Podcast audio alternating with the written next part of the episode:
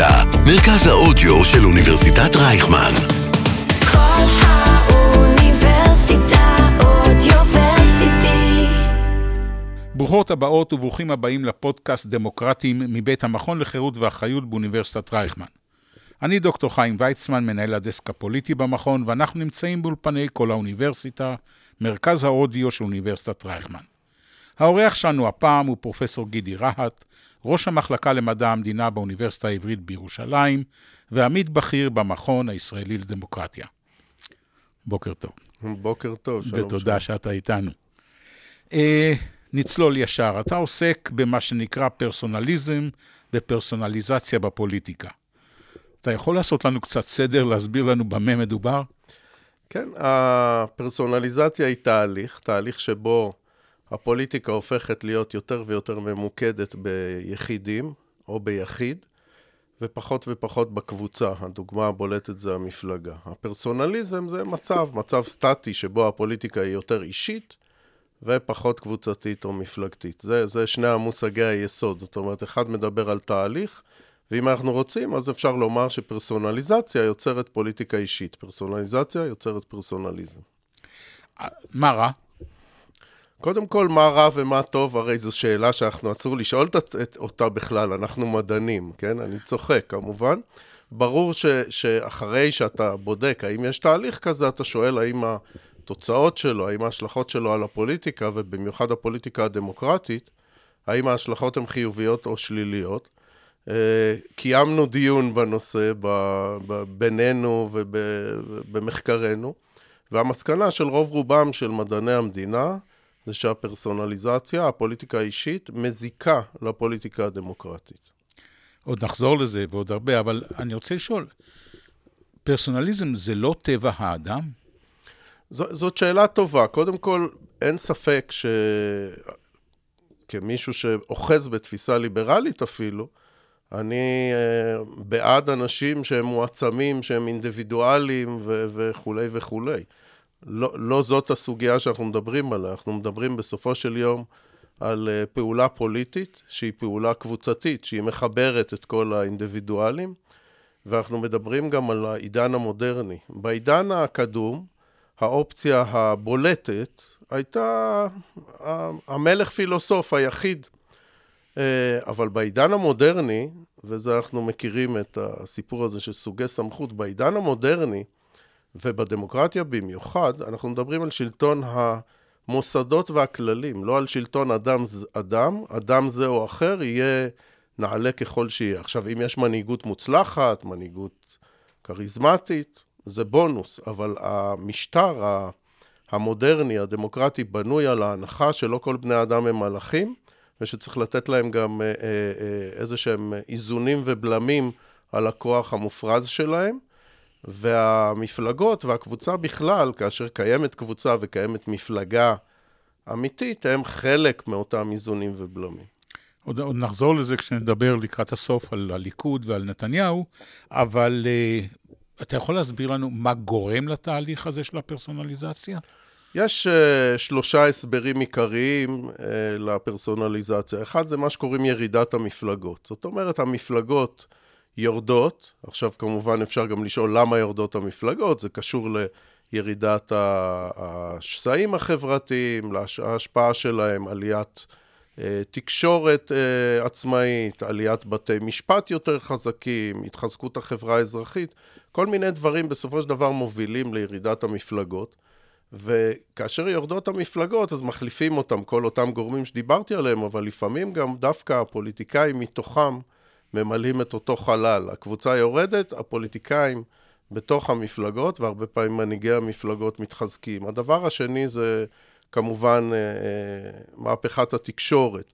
עכשיו, זה לא מהפכת התקשורת הנוכחית, זה כבר בטלוויזיה. אחד הדברים שכ... ש... שכל עיתונאי שואל את עצמו זה איך אתה מצלם מפלגה, יצור אבסטרקטי כזה. אז בימים ההם, שהסברתי לסטודנטים שלי לפני 20 שנה, היו מצלמים את מרכז מפלגת העבודה, שזה היו זקנים מנמנמים שנת צהריים, או מרכז הליכוד, שזה היו מוחאי כפיים ו... וכל מיני דברים, והיו דימויים כאלה, אבל באמת, אין למפלגה קיום בצילום. זה מאוד מאוד קשה להעביר את זה, ואני חושב שהטלוויזיה די נתנה מכה חזקה. והרשתות החברתיות, שיש בהן פוטנציאל להחזיר את המפלגה, כי שם קיימים יצורים שאינם קיימים, הרי בוטים, ו...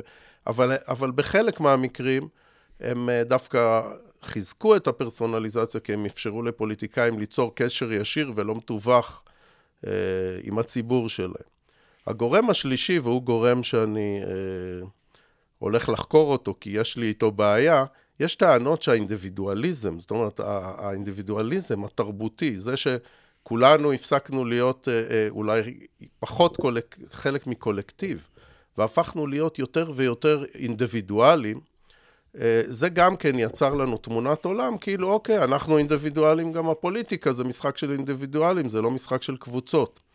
אבל uh, אני מהרהר בזה שוב ושוב, ואני לא בטוח שזה הסבר חזק, כי לי נדמה שהמדינות שבהן יש אינדיבידואלים מועצמים, אה, צפון אירופה, סקנדינביה, דווקא שם הפוליטיקה היא קבוצתית. וזה מתחבר למושג אחר של הון חברתי, זאת אומרת, ברגע שאני פרט ומועצם... רוברט פטנאם. בוודאי, רוברט פטנאם, ברגע שאני פרט מועצם, אני מוכן לשתף איתך פעולה, אני, אני מרגיש שאנחנו יכולים לשתף פעולה. זאת אומרת, פרטים שחשים טוב עם עצמם, שהם מועצמים, יכולים גם לפעול בצורה קבוצתית. אז את זה צריך עוד לחקור. אוקיי, okay, אני מחכה לקרוא את זה. אה, אבל אתה עושה הבחנה בין פרסונליזם ריכוזי לפרסונליזם ביזורי. כן. תסביר לנו. ז, זאת הבחנה שהגעתי אליה ביחד עם אה, חבריי מהמחלקה לתקשורת באוניברסיטה העברית, מיטל בלמס, אה, תמיר שפר ושאול שנהב, ובעצם אמרנו שהפרסונליזציה יכולה להיות זרימה של עוצמה מהקבוצה למנהיג יחיד, זה פרסונליזציה ריכוזית, ואז יש לנו פוליטיקה שהיא פוליטיקה אישית ריכוזית, או פרסונליזם ריכוזי, ויכול להיות גם שתהיה לנו פוליטיקה שהיא אה, פרסונליזציה ביזורית, שהכוח יזרום אל כל uh, הפוליטיקאים uh, מלמעלה כלפי מטה, ותתפזר בין הפוליטיקאים.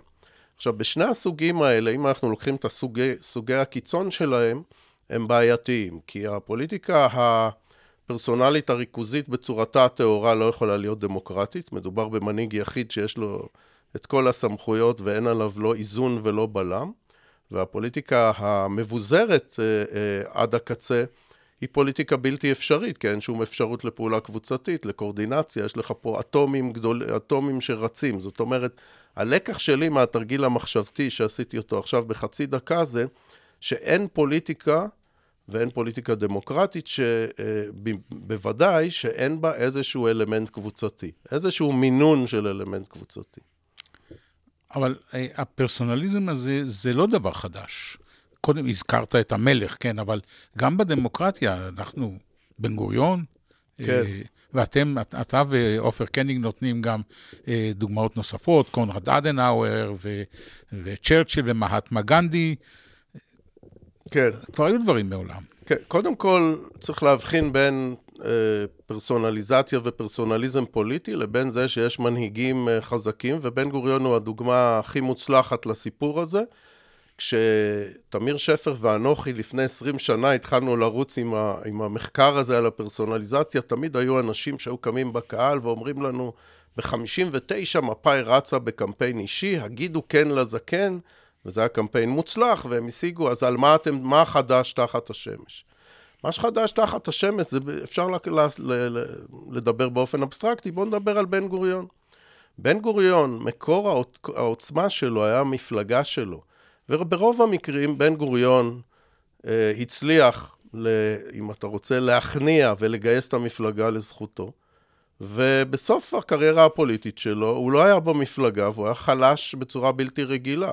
עכשיו, צריך להסתכל אפילו אלקטורלית. בן גוריון רץ בשנת 65' וזוכה בעשרה מנדטים ביחד עם כוכבים אחרים, אה, דיין ופרס. עשרה מנדטים. אה, נריץ את מכונת הזמן קדימה, יאיר לפיד, שאתה יודע מה, אני אתן לו קרדיט שהוא לא רחוק מבן גוריון, זכה ב-19 מנדטים עם מפלגת יחיד. משה כחלון, שנתיים אחרי זה, 2015, בעשרה. משהו השתנה פה. פעם היה מנהיג חזק עם מפלגה חזקה, אם אתה רוצה, והמפלגה אבל עשתה לו עניינים, הוא היה צריך לשכנע אותה. ולא תמיד זה הצליח. כן, לפעמים לא הצליח. בסופו של דבר בן גוריון אה, התעצבן ו- ועזב את, אה, את אה, מפלגתו, את מפא"י. ו- ולכן ה- ה- העובדה שיש, שהמנהיגים פעם, אגב, יכול להיות שאפילו היו יותר חזקים כי היו להם מפלגות חזקות. אני לא, לא טוען את זה, אני טוען שהיו מפלגות, היה להם עזר, היה מישהו שעמד עזר כנגדם, הרבה, רוב, ב-90% מהמקרים הם הלכו עם המנהיג, אבל בעשרה אחוז הם, הם אולי אלה שהגבילו את צעדיו, וטוב שכך. כן, גם אנחנו, לא רק בן גוריון נאלץ לעזוב את המפלגה שלו, אריק שרון ב-2005 נאלץ לעזוב את המפלגה שהוא הקים. בוודאי, בגלל שבליכוד היו כוחות מספיק חזקים שהתנגדו לה, להתנתקות ואילצו אותו לעזוב את המפלגה. היום אה, קשה לראות סיטואציה שבה מישהו נאלץ לעזוב את המפלגה, רוב המנהיגים היום בפוליטיקה הישראלית הם אה, מנהיגים שאין אין עזר כנגדם. הם לטוב ולרע מנהיגים אישיים. אה, דר, מחוסן ישראל של גנץ, דרך מפלגתו של סער, דרך המפלגה של לפיד, ועד הליכוד, שאגב, יש בו שאריות של מפלגה, של מוסדות, של חיים, אבל אלה הלכו והוכנעו בשנים האחרונות. אתה כותב באיזה מקום שהפרסונליזציה קשורה ליחס בין מספר המשרות בממשלה לגודל הקואליציה.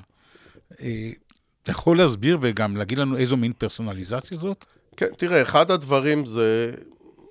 מגיע ראש... כן, יש לנו איזו קואליציה 64 וכמעט כן. 64 שרים בממשלה. כן, זאת אומרת, אחת הדרכים זה לקנות תמיכה באמצעות משרות. אתה ממנה אנשים לשרים ולסגני שרים, ואז גם מתפנות משרות בכנסת של יושבי ראש.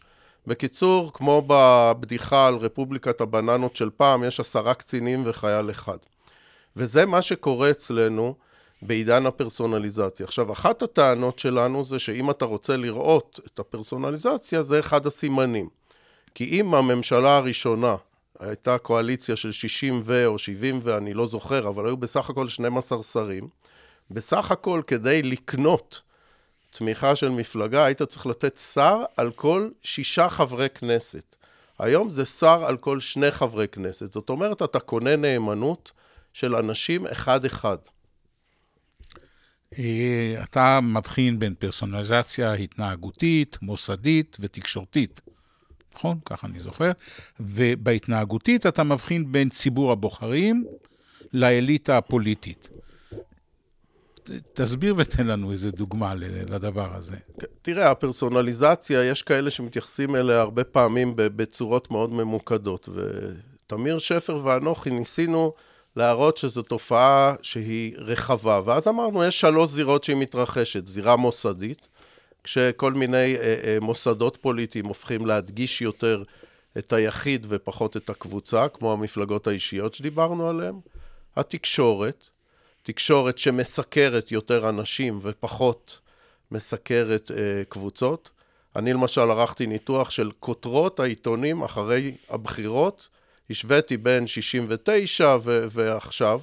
פעם היו מדווחים, אה, מפלגת העבודה ניצחה, הליכוד ניצח, אז לא היה ליכוד, גח"ל כזכה.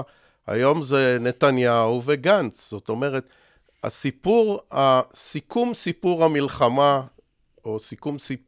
הבחירות, המאבק הזה, הוא סיפור שהפך ממפלגתי לאישי. גם הפוליטיקאים מציגים את עצמם יותר ויותר, ופחות ופחות את המפלגה. זה התחום התקשורתי. התחום ההתנהגותי, שבו, עליו שאלת אותי, אה, במיוחד זה תחום שבו אתה בודק את ההתנהגות.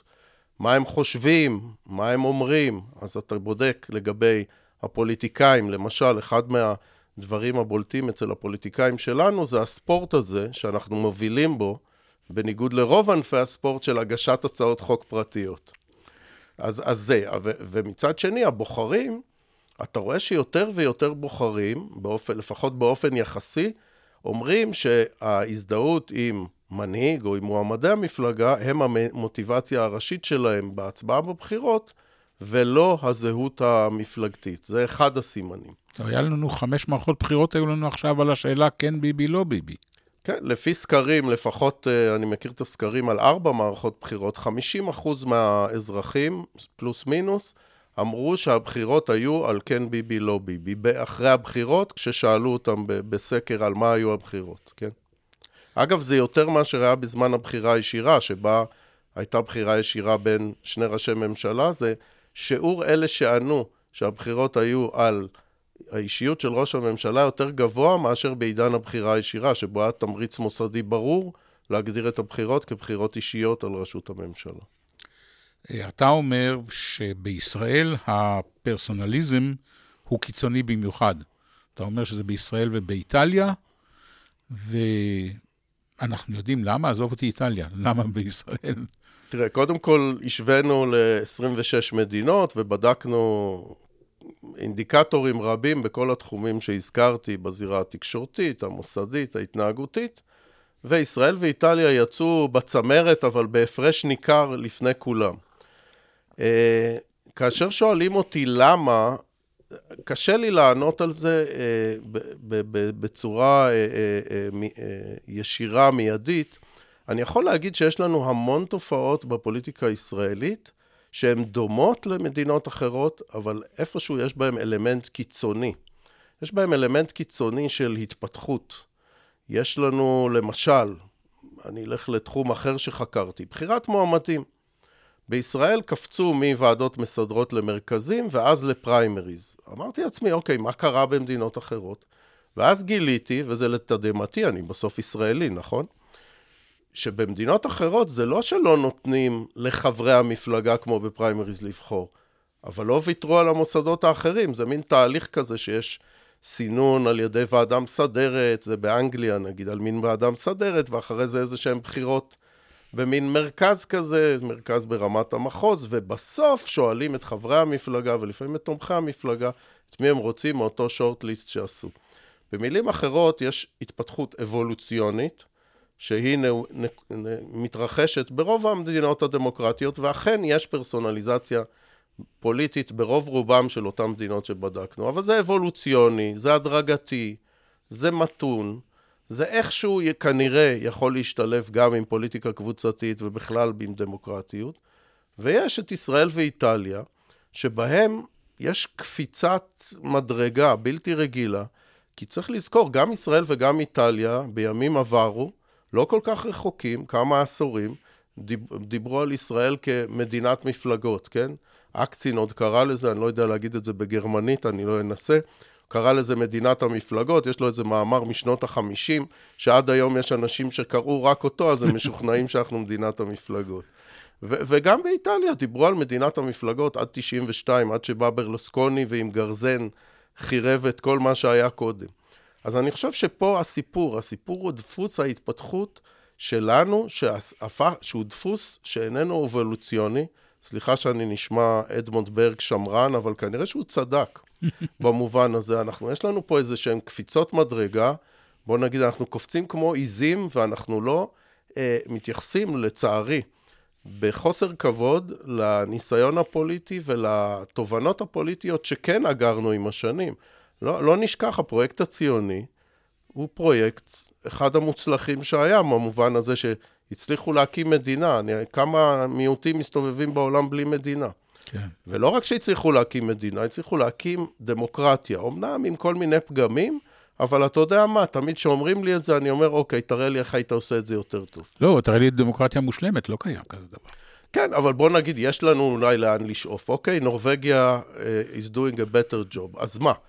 אז בסדר, אז אני נושא את עיניי אליהם, אבל כשאתה מסתכל על כל העולם, אתה יכול להגיד שהיה פה פרויקט מוצלח, ואז היה צריך להיות איזשהו כבוד למה שהיה, ויש איזה מין רדיקליזם, ואגב, הרדיקליזם הזה באופן מאוד, אה, אה, אני מצטער שאני גולש, הוא, הוא דווקא נעשה על ידי אנשים שקוראים לעצמם שמרנים, כן. שזה בכלל קשה להבין. אבל למה זה רע? אה, אתה בעצמך, במאמר שלך, מפנה למאמר של אהרונוף, שמדבר על התופעה כחלק מהתופעה של אמריקניזציה של הפוליטיקה. כיף, לא? אנחנו הרי רוצים להיות אמריקה. קודם כל, אני לא יודע אם אנחנו רוצים להיות אמריקה, אלא אם כולנו רוצים לקנות אה, אה, בקרוב גם אה, אה, ש... לצאת אה, לרחוב עם שכפ"צים וכולי. אני מגזים אולי קצת, אבל יש דברים באמריקה שאני רוצה להיות, ויש דברים שאני מאוד לא רוצה להיות. אני חושב שמערכת הבריאות פה יותר טובה ועוד כמה דברים. אבל בוא, בוא, אם אנחנו מדברים על, על, ה, על, ה, על הנושא הזה, אז מה הבעיה פה? הבעיה פה, עם הפוליטיקה האישית יש לה שתי בעיות עיקריות. יש לה עוד בעיות, אבל אני אגע בשתיים עיקריות. אחת, זה שהפוליטיקה האישית היא לרוב, לרוע המזל, ריכוזית, ואז יש לנו כמובן בעיה אדירה מנקודת המבט של דמוקרטיה ליברלית, של הרס של איזונים ובלמים. כולל מפלגות שהיו פעם איזונים ובלמים, ואנחנו רואים גם את הניסיון במדינת ישראל לנסות ולרכז את הכוח בידי אה, אה, אדם אחד, וזה פוגע בדמוקרטיה, זה כבר אפשר פשוט לשאול את האבות המייסדים של הדמוקרטיה האמריקאית, הם הבינו את זה, הם ידעו, הם פיזרו עוצמה, והריכוז העוצמה בידי אדם יחיד הוא, הוא מסוכן הרבה יותר מאשר אפילו ריכוז עוצמה בידי מפלגה או בידי חונטה או בידי קבוצה שיש בה לפעמים חילוקי דעות. זה, ה, זה האנטי-דמוקרטיה האולטימטיבית. הדבר השני, זה, זה נוגע למקור הסמכות, ופה זה השיעור הראשון בערך במדע המדינה, השיעור של ובר. אבל אני אגיד, אמרתי את זה, אני אגיד את זה על קצה המזלג, בסך הכל. זה, אני יודע שזה פחות אולי מושך וזה פחות נעים. אבל אחד הדברים של משטר מודרני דמוקרטי זה שלטון החוק והמוסדות ולא שלטון של איש זה או אחר. אף אחד הוא לא מעל החוק, זה אחד מהמפתחות לדמוקרטיה והפרסונליזם, הפרסונליזציה מאיימת על זה משום שהיא מעבירה את המוקד אל פרט, פרט כזה או אחר ולא אל מוסד כזה או אחר. זאת הבעיה, אלה שתי הבעיות העיקריות עם, ה, עם הפרסונליזם. אולי הדוגמה הבולטת בישראל היא דווקא יש עתיד ועופר שלח. אה, כן, תראה, אחד הדברים שכמובן אה, יש עתיד היא דוגמה בולטת לפוליטיקה אישית. אה, יש לנו פרויקטים נוספים שהם אישיים, זאת אומרת, עכשיו, אני, קשה לי קצת להאשים את המפלגות האישיות, כי המפלגות שהן פחות אישיות, תראה איפה הן נמצאות. אחת מחוץ לכנסת, השנייה עם, אה, עם סקרים נוראים, וכל מי שמקים היום מפלגה בעצם מקים לעצמו איזה מין משהו אישי, כאשר אני חייב לומר אבל שהם כן, אני חושב שבסופו של דבר, אם, אה, אם הפוליטיקה פה קצת תירגע, אני לא יודע אם זה יקרה, אבל הם ינסו יום אחד בכל זאת להקים משהו אחר. ולו בגלל שאני חושב שיאיר לפיד עד 120 גם ירצה להשאיר משהו אחריו. הבא אחריו זה כבר לא יוכל להיות יאיר לפיד, זה יהיה צריך להיות משהו הרבה יותר ממוסד, הרבה יותר מסודר, ואני חושב ש, שהאנשים האלו, יש סיכוי שהם יעבדו לכיוון הזה. כמובן שתמיד הם שואלים את עצמם את השאלה מתי לעשות את זה, כי הם לא רוצים להגביל את עצמם. אה, במקרה של לפיד, הוא, לפיד, ואגב גם ליברמן, הם יכולים להגיד להם, הפרויקט הצליח, אנחנו שורדים, תראו איפה אנחנו ואיפה מפלגת העבודה לצורך העניין. כן, אה, בכל זאת עדיין אה, יש מפלגות שמקיימות איזה שהם תהליכים דמוקרטיים. כן, אני אתן לך אבל נחמה אחרת. עשינו סקר, אה, שעדיין אה, טרם מספיקותי לפרסם שום דבר ממנו, אבל בסקר הזה זה חד משמעית, שני שלישים מהציבור מזהים שהפוליטיקה בישראל היא אישית, שני שלישים מהציבור לא מרוצים מזה, הם רוצים פוליטיקה יותר קבוצתית. ועכשיו, השליש האחר... ואז הם, ואז הם אה, נותנים... אחוז אחד למפלגת העבודה. ו... בסדר, יש דיסוננס לציבור ויש דיסוננס להכל. אני חושב ש, שיש פה, זה, זה באמת, עמדת פה על פער שדורש מחשבה איך לגשר, אבל אני רק רוצה להדגיש שהשליש, ש, ש, ש, השליש שנותר, יש בו, יש בו גם את אלה שאומרים אני לא יודע וכולי, כן? שלא נבין. האהדה לפוליטיקה אישית, אולי חמישית מהציבור, רוצים שתהיה פוליטיקה יותר אישית וחושבים שהפוליטיקה עדיין מפלגתית. זאת אומרת, אין ספק שהציבור רוצה פוליטיקה פחות אישית, אין ספק שהציבור כשהוא מצביע, אה, מתמרץ פוליטיקה אישית. יש פה פער, וזה לא הפער הראשון שזיהינו בהתנהגות פוליטית והתנהגות פוליטית של אזרחים. אה, הליכוד לא מפרסם מצע מאז הבחירות לכנסת ה-18, 2009. אין מצע. כן. ואז זה מוביל אותי לשאלה, מה אנחנו בוחרים? האם אנחנו בוחרים אה, מנהיג, שאנחנו סומכים עליו שידע לנווט אותנו בעת צרה, או שאנחנו בוחרים מיישם מצע? דוגמאות לא חסרות לנו. אה, זה שלליכוד היום בכלל אין מצע, זה דוגמה אחת, אבל מנחם בגין נבחר כאש ארץ ישראל השלמה, ומסר את כל סיני, ואריק שרון נבחר כאבי ההתנחלויות, ועשה את ההתנתקות. כן, אז קודם כל, יש הרבה פעם, יש טענות בספרות, כאילו פוליטיקה אישית היא פחות אידיאולוגית. יש לעומת זה מה, טענה, ויש גם מחקר טוב שמראה שזה לא ככה, של אה, לירון לביא מאוניברסיטת אה, בר אילן ומיכל שמיר ואחרים, אני מקווה שהם סולחים לי, זו רשימה ארוכה. במאמר הזה הם מראים בפירוש שבפוליטיקה האישית, הפוליטיקאים הופכים להיות נשאים של אידיאולוגיה ושל תפיסות עולם במקום המפלגות. זאת אומרת, פוליטיקה אישית היא לא בהכרח פחות אידיאולוגית. איפה הבעיה? הבעיה היא שעל מפלגות, למפלגות אין פילגש, למפלגות אין חיים אישיים, מפלגות קשה להם להצטלם בה, להצטלם ולהעלות תמונות, ולעומת זה הפוליטיקאים, הרבה פעמים הדברים נגררים שם לתוך הרפש של, ה, של העיסוק באישי. אז אני חושב ש, ש, ש, שפה פה קיים הפער. עכשיו, לגבי אה, מה אנחנו בוחרים, זה כמובן, זה, זה מתקשר לשאלה אחרת, נסטה רגע מנושא הפרסונליזציה. יש תמיד את ההבחנה בין הנציג כציר לנציג כנאמן. אחת הטענות היא, אוקיי, בחרת אותי, אני צריך לעשות בדיוק מה שאתה חושב, זה הנציג כציר. הקצה השני זה הנציג כנאמן, בחרת אותי, תן לי כמה שנים לעבוד, אחרי זה תחליט אם אני, אה, אם אני, אה, אם מתאים שאני אמשיך או לא. אם אתה... עכשיו, אם נסתכל על uh, אריק שרון וההתנתקות לצורך העניין, אז אין ספק שאריק שרון לא פעל כציר. הוא אמר, דין נצרים כדין תל אביב, ואחרי זה עשה את ההתנתקות. מצד שני, בשנת 2006 היו בחירות, ובבחירות האלו תומכי ההתנתקות זכו ברוב.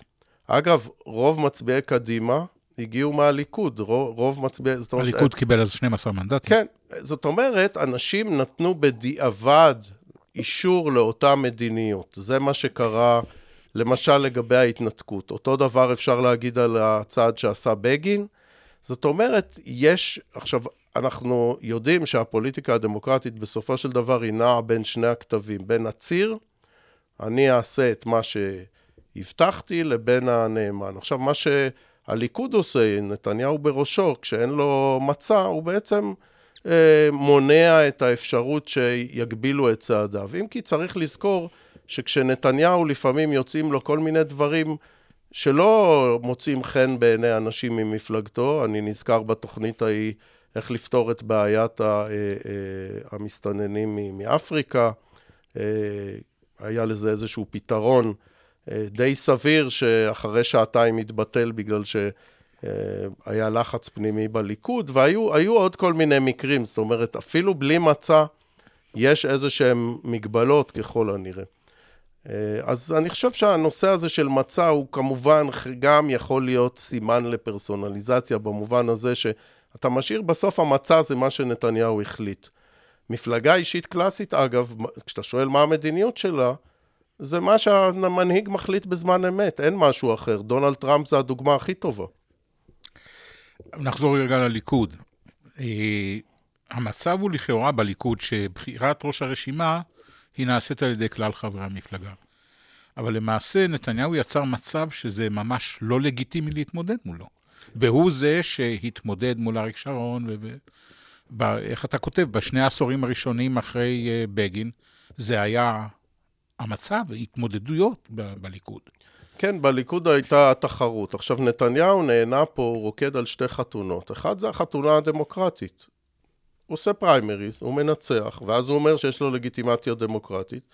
ומצד שני, כל מי שמכיר את הדינמיקה שם, מבין שאם אתה מתמודד נגד נתניהו, וסביר שאתה מפסיד, זה הסוף. זאת אומרת, אתה לא יכול להמשיך לחיות. זה לא כמו בעבר, שהתמודדו אנשים, זה כולל לא נתניהו. מזכיר לך קצת את פוטין? אה, יש, אה, יש דמיון, הקטע הזה שעומדים אה, פוליטיקאים,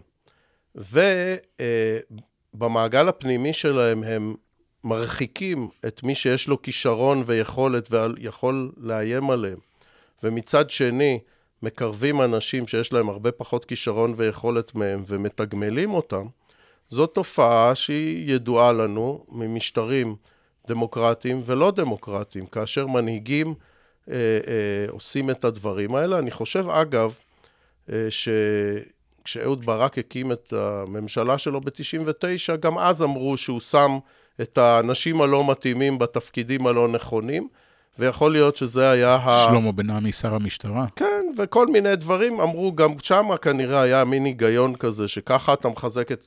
יש שתי דרכים ל- ל- ל- להתקדם בחיים. אחד זה לעבוד קשה ולהוכיח את עצמך, והשני זה לנקות את הסביבה שלך מאיומים. אז אה, אני חושב שזה זה הסיפור בסוף, כן?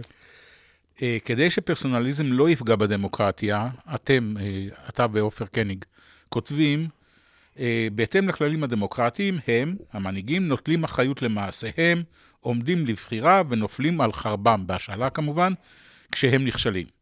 נראה לי שאצלנו אנחנו עדים לתופעה של פרסונליזם בלי אחריות אישית. כן, אגב, הציטוט הזה לקוח מתוך השני חוקרים ש...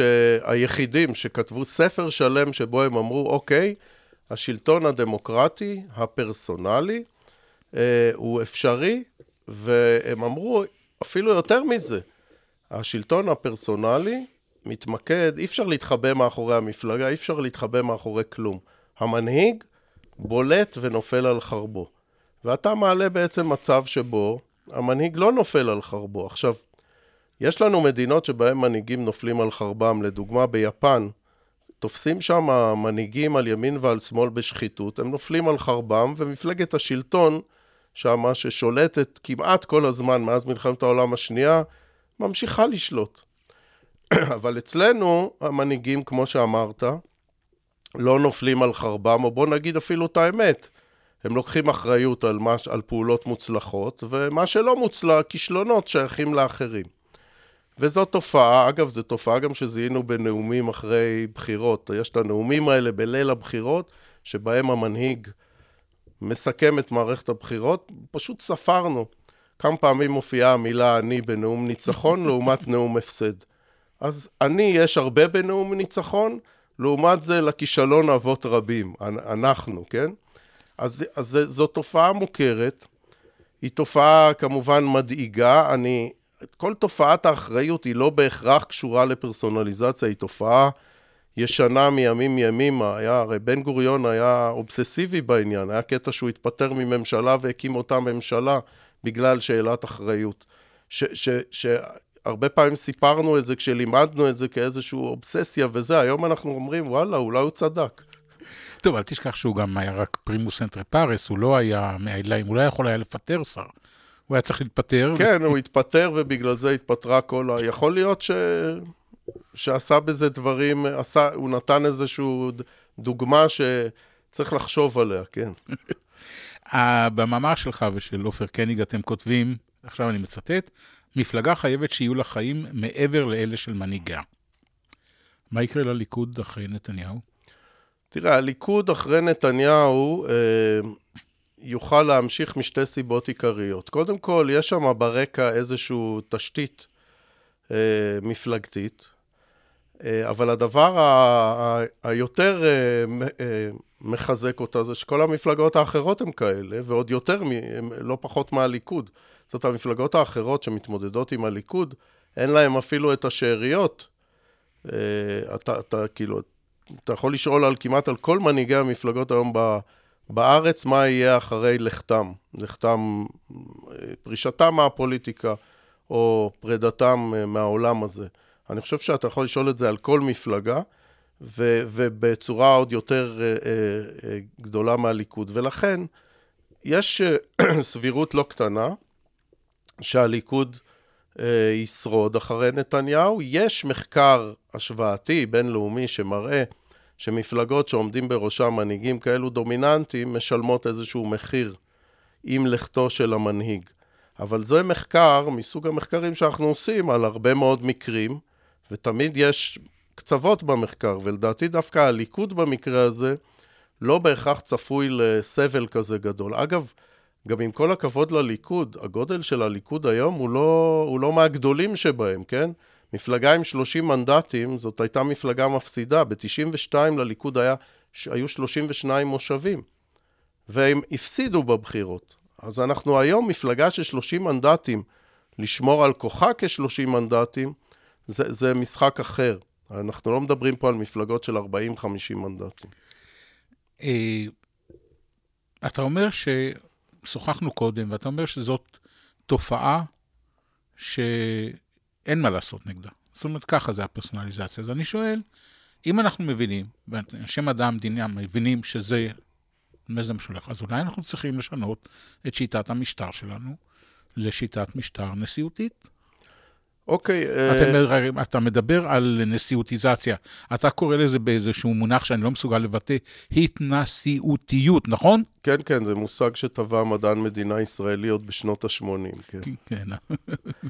uh, אני חושב שזה שאנחנו לא יכולים להילחם בזה, לא, לא צריך להוביל אותנו למשטר uh, נשיאותי, כי אז אנחנו בעצם ממסדים את זה.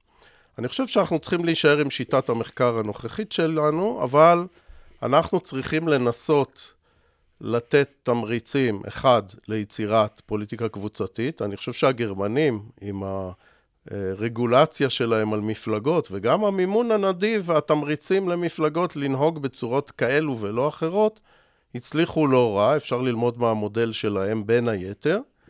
אפשר ללמוד מכל מיני מודלים אחרים, ואפשר גם לתמרץ אה, מה שאנחנו קוראים פרסונליזציה מבוזרת. זאת אומרת, לפזר את הכוח גם לפוליטיקאים, לא, לא רק למנהיג.